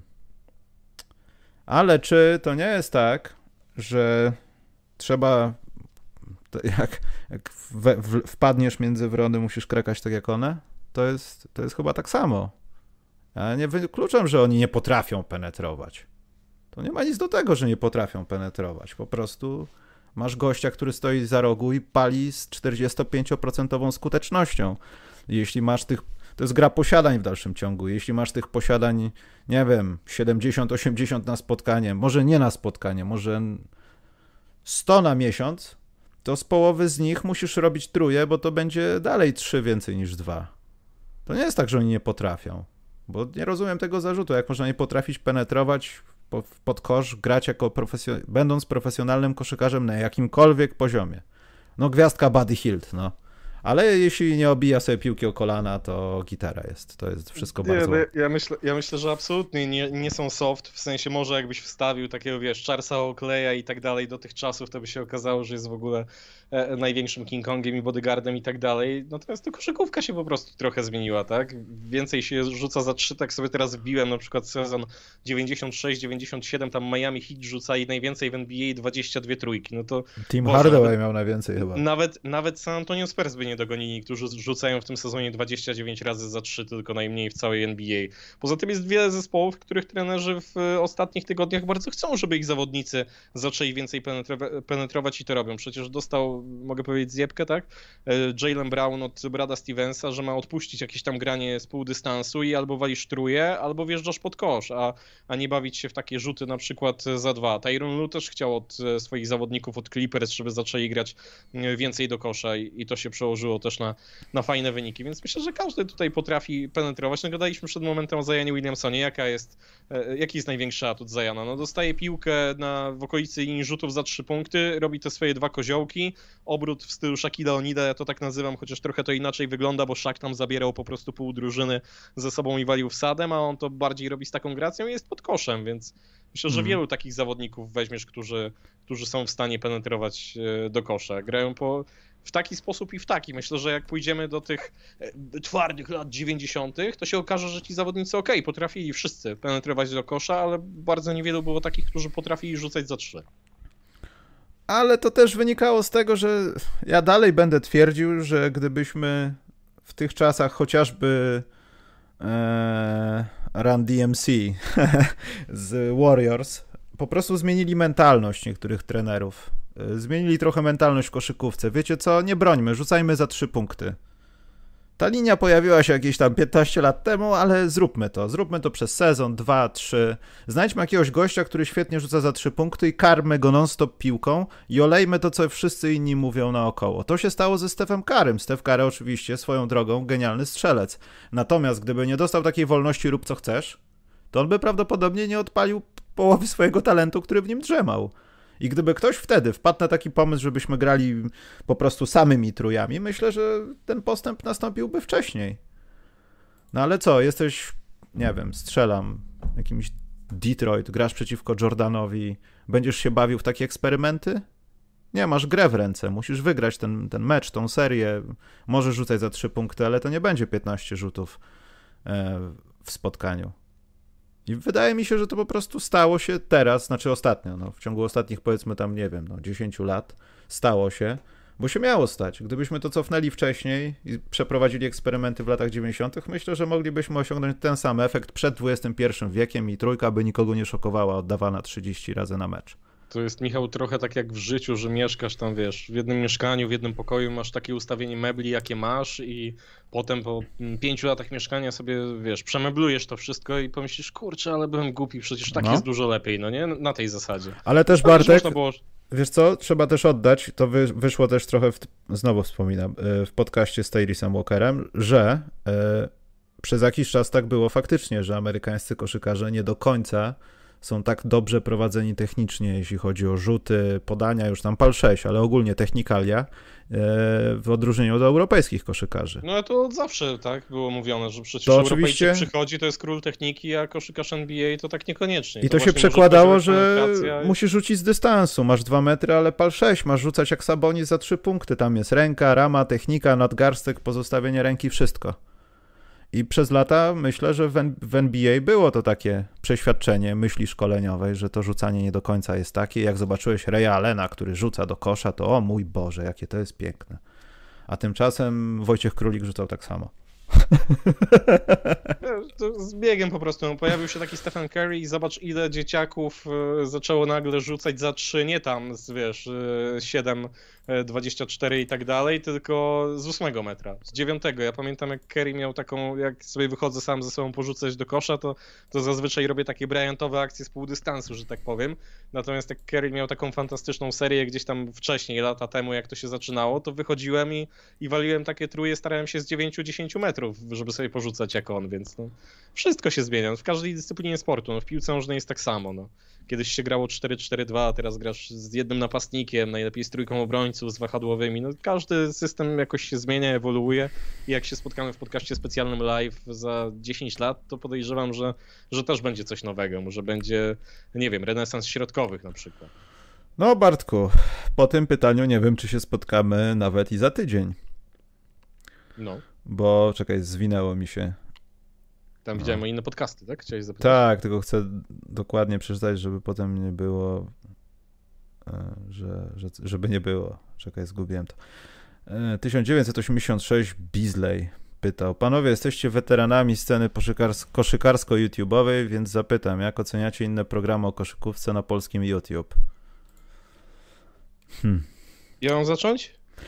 Możesz zacząć, bo ja w zasadzie nie mam nic do oceny, bo w zasadzie ich nie oglądam. Nie chcę jakoś tak oceniać, w sensie czy ten jest dobry, czy ten jest zły, bo każdy ma inny styl. Ja bym chciał docenić w zasadzie każdy, jaki istnieje, bo w sensie ja się czuję trochę ojcem chrzestnym tych podcastów, ty też Michał pewnie, bo tam zaraz dołączyłeś po tam nie wiem, piątym czy, czy szóstym odcinku, więc byliśmy tutaj na początku, jak tu jeszcze nic e, nie istniało i moim zdaniem po prostu Bartek, fajnie, że... Bartek, tragedia się wydarzyła, bardzo ważna. No. E, Austin Rivers nie zagra do końca sezonu. A, nie zagra, cholera. Podpiszą go do końca sezonu. Tragedia jest. No nieważne. Dobrze, dobrze niech gra, bo się przygotowywałem, że będzie grał e, akurat do tego meczu. Więc ja doceniam bardzo i w, gdzieś tam sobie rzucam okiem i są, potrafię wyciągnąć fajne rzeczy z każdego podcastu, e, jaki słyszałem. Wiem, że Michał, ty pewnie będziesz miał inne zdanie, natomiast no ja się cieszę, że jest jakaś taka różnorodność. Powiem szczerze, że e, podcastu, którego słucham, staram się słuchać regularnie, zazwyczaj jak jadę samochodem, jeśli chodzi o koszykówkę, to jest podcast specjalny live, w którym się aktualnie znajduję. Natomiast gdzieś tam. Podsuwam sobie... właśnie pieniądze po biurku. Nie, to tak serio, w sensie nie, nie będę kłamał, że oglądam każdy odcinek, tak? Na, e, słucham każdego odcinka. Natomiast jak mam czas, jak widzę, że gadacie o czymś, co mnie w jakiś sposób interesuje, albo tam e, zdarzało mi się nawet w Kanal Plusie ze dwa razy chyba nawiązywać do tego, co mówiliście, e, w sensie odsyłając, że to w podcaście specjalnym tak? były. Tak, że, że, były takie rzeczy. Zdarzało mi się słuchać i oglądać Keep the Beata i też widziałem tam fajne rzeczy, to jest zupełnie inny styl jakby taki bardziej donatowy, bardziej z całą społecznością. Wiem, że Michał też tutaj masz live, natomiast no, e, nie, nie obrażając nikogo, ty na tym live'ie masz teraz ile osób powiedzmy?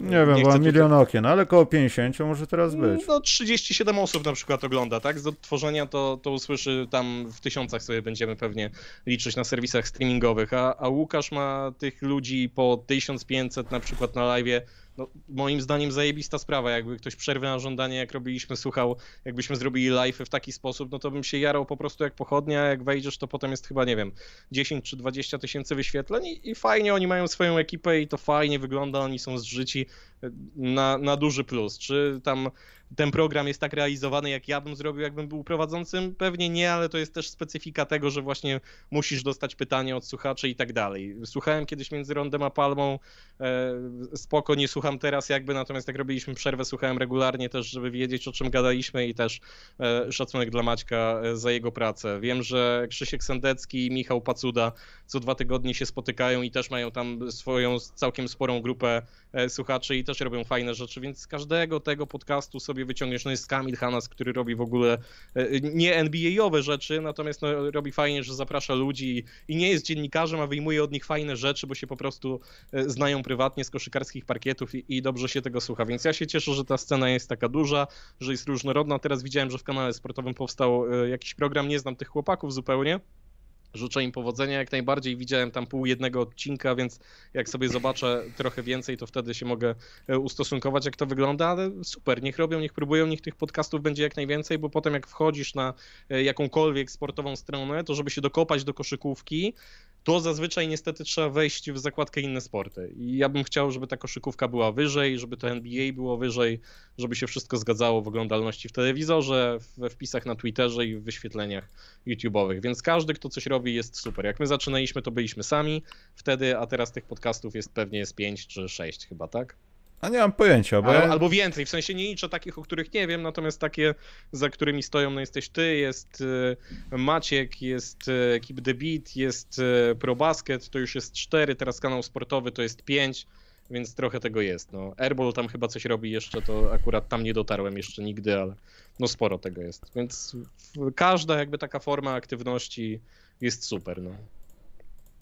Ja Także to ja od jakiegoś czasu przestałem w ogóle może nie tyle, co przestałem, co na jakiś czas zawiesiłem słuchanie w ogóle jakichkolwiek podcastów o koszykówce. Eee, żeby nie, bo już doszło do tego, że w każdą wolną chwilę, jakąś taką, którą mogłem gdzieś tam wbić podcast i coś porobić, jednocześnie nie, mu, nie musieć skupiać się na jakichś super wyliczeniach salary Kaplarego Kuna, ale jednocześnie, żeby o czymś tam posłuchać to już doszło do tego, że sam po sobie zauważyłem, że zacząłem się sam sugerować jakimiś rzeczami, które gdzieś usłyszałem, zamiast, nie wiem, dowiedzieć się, jakoś samemu trochę przeanalizować w oparciu o jakieś informacje, sytuacje, to podświadomie, nawet nie chcąc, nabierałem opinii na jakiś temat, która potem po moim głębszym przemyśleniu okazywała się nie moja. Jakby, nie wiem, podprogowo dałem się zasugerować. Może to nie był jakiś super poważny problem, ale stwierdziłem, że oczyszczę sobie atmosferę w ten sposób i, i tyle. No ale to tak jest, bo, bo czasami ci to zasugeruje coś e, i powiesz to jakby jako swoje zdanie, czasem ci to otworzy jakąś klapkę, że o, może pójść w tym kierunku. Ja pamiętam się zawsze cieszyłem, jak nagrywaliśmy te podcasty, jak potem odsłuchiwałem jakiegoś zagranicznego podcastu i się okazało, że oni tam dzień później robili dokładnie to samo co my. E, na tej zasadzie, więc ja szczerze też się staram tego słuchać jak najmniej, czasami częściej sobie odpalę coś z zagranicy, na przykład do meczu, który potrzebuję skomentować. Najczęściej, jeżeli coś w ogóle robię, to nie podcastowego, a, a czytam rzeczy na The Athletic, bo tam mam wrażenie jest takich na, najwięcej insiderskich rzeczy, niekoniecznie tam taktycznych, ale takich, wiesz, wypowiedzi, smaczków. Ostatnio bardzo fajna historia, jak ktoś ma, jak nie, to tam dwa teksty są darmowe, o Normanie Powellu, jak go Blazers w ogóle przywitali, o, o wszystko zadbali, jakie chce wino, jaki chce ręcznik, jaki chce proszek do prania, e, czy tam ten, to drugie, co się do prania daje, nie proszek, tylko... Ubrania. Wlewa się zawsze, żeby mięciutkie były. A, płyn do zmiękczania. No, tam jakkolwiek to się nazywa, z misiem zawsze się robią takie, no nie, kokolino i tak no. dalej, więc przywitali go super, jak w ogóle miał trudne dzieciństwo, jak ugryzł panią kiedyś e, w szkole, jak słabo mówił i się tylko z siostrą dogadywał jakimś tam zupełnie prawie innym językiem, więc jak mogę coś polecić tak z zagranicy, to polecam The Athletic.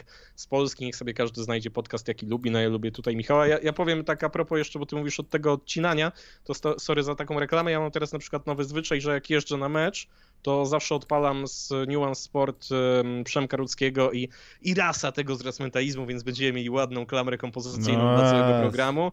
Futbol i cała reszta. Wiem, że nie lubisz, nie lubisz piłki nożnej, no to niezłe kombo jest, widzę. Nie, nie, ale do czego zmierzam? Przychodzą tam piłkarze, dziennikarze, czasami ludzie, którzy nie mają jakby nic wspólnego z piłką, natomiast gdzieś są fanami i tak dalej, ale to są bardziej takie rozmowy o życiu i, i bardzo często ci goście mówią coś, czego nie powiedzieli nigdzie indziej. To jest taki bardzo fajny, nawet nie powiem, że wywiad to jest taka po prostu rozmowa, jakby trzech ludzi usiadło przy piwie i nagle, a wiesz co, powiem ci coś, czego nikomu nie mówiłem tam od 20 lat i tak dalej, więc bardzo, bardzo fajny podcast, także polecam. Bo ja chciałem też zakończyć ten temat mówiąc o polskich rzeczach. Ja po prostu też nie słucham nie tyle dlatego, że się uprzedziłem czy coś. Po prostu nie mam na to czasu, żeby to śledzić. A jak się już odciąłem od podcastów o koszykówce, to zrobiłem to wszystkie, ale to też jest patent na to, żeby mieć czystość sumienia, że czegoś nie zerżnąłeś od kogoś. Wiesz o co chodzi? Że powiedzmy, obejrzysz coś w poniedziałek, masz założone na środę, że zrobisz coś podobnego i obejrzysz to. No i już masz świadomość tego, że już po kimś powtarzasz. A jak nie wiesz, że to się nie stało, to nie powtarzasz. Proste. No, jest to prawda. No to ja przytoczę taką historię jeszcze na koniec. Ten komentator Charlotte Hornets, który śmiga po prostu w tych mediach społecznościowych z tymi swoimi okrzykami przy, przy każdym zagraniu i czasami to aż przekomicznie brzmi, moim zdaniem. Nie jestem jakimś super fanem, natomiast to ma swój styl niepodrabialny. Czytałem o nim tekst, że on od 20 e, lat chyba ogląda mecze bez głosu bo komentował kiedyś jakieś spotkanie i użył jakiegoś stwierdzenia, które usłyszał od jakiegoś innego komentatora no, no, no. i pomyślał, nie, to nie jestem ja, wziąłem to od kogoś innego i on ogląda sport bez głosu. Siada, robi tam mute na, na pilocie, tylko podobno golf ogląda z głosem, jak komentuje któryś tam z amerykańskich komentatorów, e, nie, nie pamiętam który, e, bo lubi to po prostu, natomiast no, kosza absolutnie nie ogląda z komentarzem, ogląda to bez dźwięku, żeby się nie sugerować, żeby robić e, to po prostu po swojemu. Boże, na jakiego profesjonalistę wyszedłem teraz. Jezus. Niedobrze, niedobrze. Dobrze, to Bartek kończymy, bo ja tu jestem 15 310 w kolejce w NBA Top Shots. Znowu dałem sobie wmówić, że za 9 dolarów zyskam trochę szczęścia w życiu, więc czekam. Nie rozumiem tej zajawki, ale okej, okay. na fali tej zajawki. Ty, ja też tego nie rozumiałem, nawet byłem w gronie hejtujących i powiem ci, że kurczę, no to nie jest takie najgłupsze, tylko do pewnego momentu. Ja teraz swoje aperdeki hologramy z Jordanem, które jak się dowiedziałem teraz są gówno warte, ale je mam, mogę wyciągnąć i sobie podotykać. Tam jak walnie gdzieś jakiś serwer prąd, ukradną backupy, Al-Qaida zhakuje jakiś system, ja nie będę miał nic pewnie. No Wiem, że blockchain, dużo komputerów, miliardy, miliony, neuronowe sieci, etc., ale, ale nie. Mogę Widziałem, tego nie mieć że wszyscy kupują te właśnie top shoty, tak? Tak to się nazywa? Tak, tak. I, tak. I, na fali tego ja sobie kupiłem kilka kart NBA, bo jakby nigdy nie zbierałem. Pamiętam, że naklejki zbierałem NBA, jakieś takie były. Jak ktoś zbierał, to niech mi uświadomi, czy był taki album, to od Panini chyba, że koszykarze byli wklejani jakby na parkiecie i to nie były takie naklejki, jak są, wiecie, te piłkarskie, takie w prostokąty normalne, tylko oni byli tam w jakichś takich pozycjach rzutowych i to się w zasadzie wyklejało takiego koszykarza. Ja mam taki przebłysk, że to jakiś tam 97, 8 czy, czy 9 rok, taki był jakiś album. I kupiłem sobie tylko, ci powiem szybko, kilka tych kart właśnie takich, żeby podotykać. Myślałem, że to będzie fan, ale nie. Mam tam spodenki IP i Stojakowicza chyba e, na jakiejś karcie. To jest moja chyba najcenniejsza karta i mam debiutancką kartę Macieja Lampego z New York Knicks, także nie jara mnie to jakoś szczególnie. gruba sprawa. No, chyba kosztowała całe 10 zł, mi się wydaje. U, to ja też mam kilka ze strojami, na przykład takie gwiazdy jak, e, czekaj, e, Jay Williams, tylko to nie był jego strój motocyklisty, tylko strój Chicago. No to Tam w środku.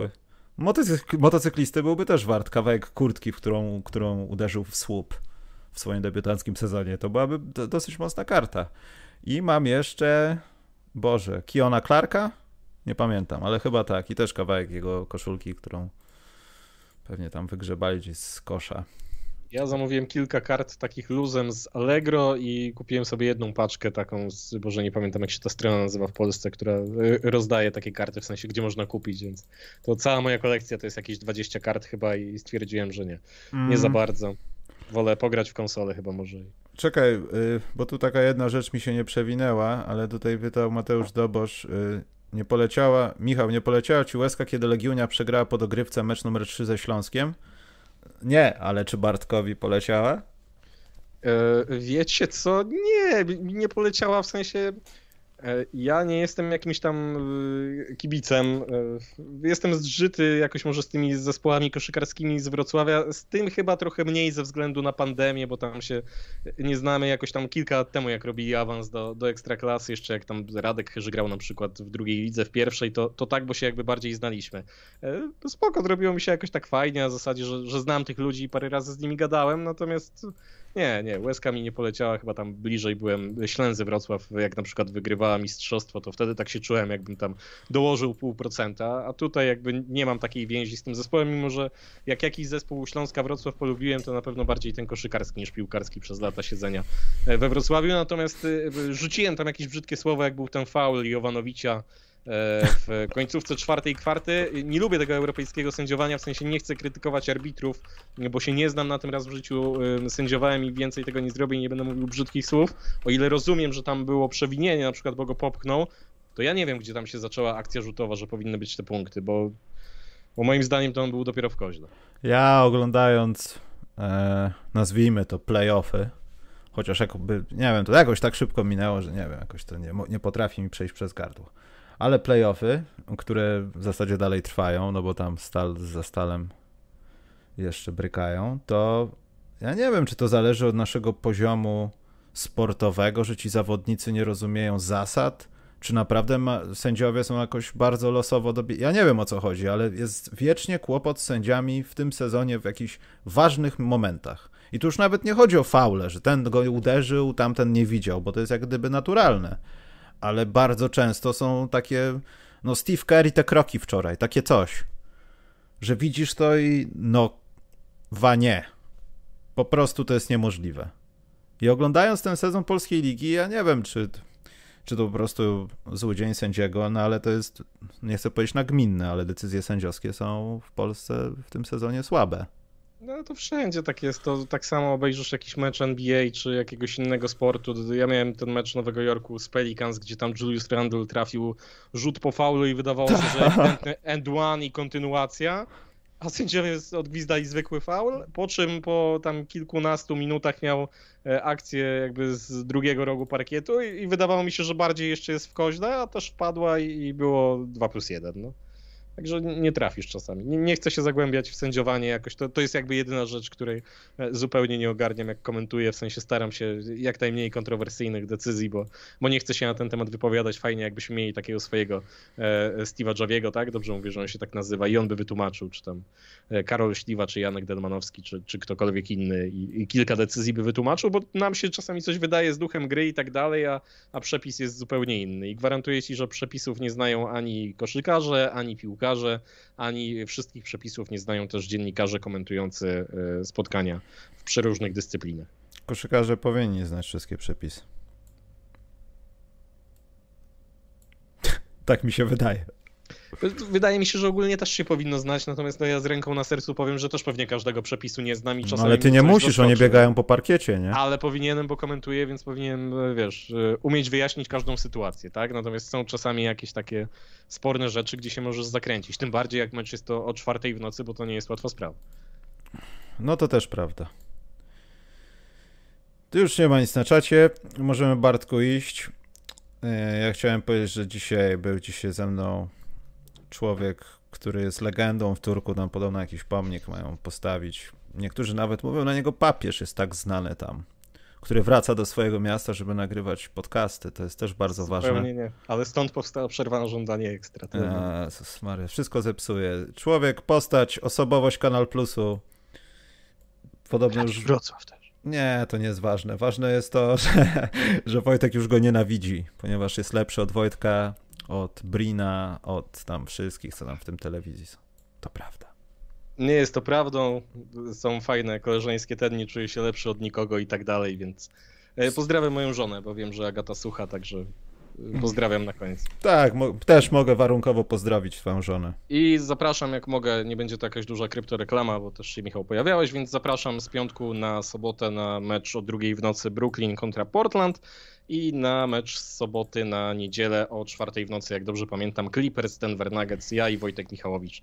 Będziemy z wami. Ale oba mecze z wami, czy zareklamowałeś Oba- kogoś oba mecze, innego? Oba mecze, oba mecze są z nami. Taki, A, to dobrze. taki duet proponujemy i potem chyba jest Wojtek Michałowicz, Kamil Hanas, jak dobrze pamiętam, w niedzielę, ale nie wiem, który mecz zabij mnie, więc ja tam potem mam jeszcze w środku tygodnia z Waldkiem Kijanowskim Phoenix Suns, Atlanta Hawks. O, Nie powiedzieliśmy ani słowa dobrego, Phoenix Suns awansowali po tylu latach do playoffów. nie mówiliśmy o tym, przecież oni są Chris dobrzy. Paul powinien być w konwersacji o MVP. Będę jak Charles Barkley. Będzie na piątym miejscu albo czwartym. Albo Moim zdaniem to powinno się stworzyć jakąś osobną nagrodę dla jakiegoś emerytowanego koszykarza, któremu nie można dać MVP, ale zrobił coś na tyle dużo, że trzeba mu ją dać i to dostałby Chris Paul za całokształt. Tylko ja się obawiam, że to skończy się kolejną frustracją. Niestety. Smutne. Trzymam kciuki, trzymam kciuki, żeby dał radę w playoffach i chcę Bookera zobaczyć w playoffach, bo tego nie widzieliśmy. No, myślę, że nie zobaczymy i to jest właśnie ten smutny akcent, którym skończymy, bo chyba on się nie nadaje do playoffów. Nie wiem. Nie wiem, Myślę, że, myślę, że będzie dobry. to dobrze. To pożegnaj się własnymi słowami, bo ja już idę. No, y, dobrej nocy, czy tam dobrego dnia, bo nie wiem kiedy tego słuchacie. Bardzo miło było mi wrócić po tylu miesiącach przerwy do jakiegokolwiek y, robienia podcastów, także Michał, dziękuję Ci bardzo za zaproszenie i mam nadzieję, że miło spędziliście czas, także trzymajcie się ciepło. Cześć.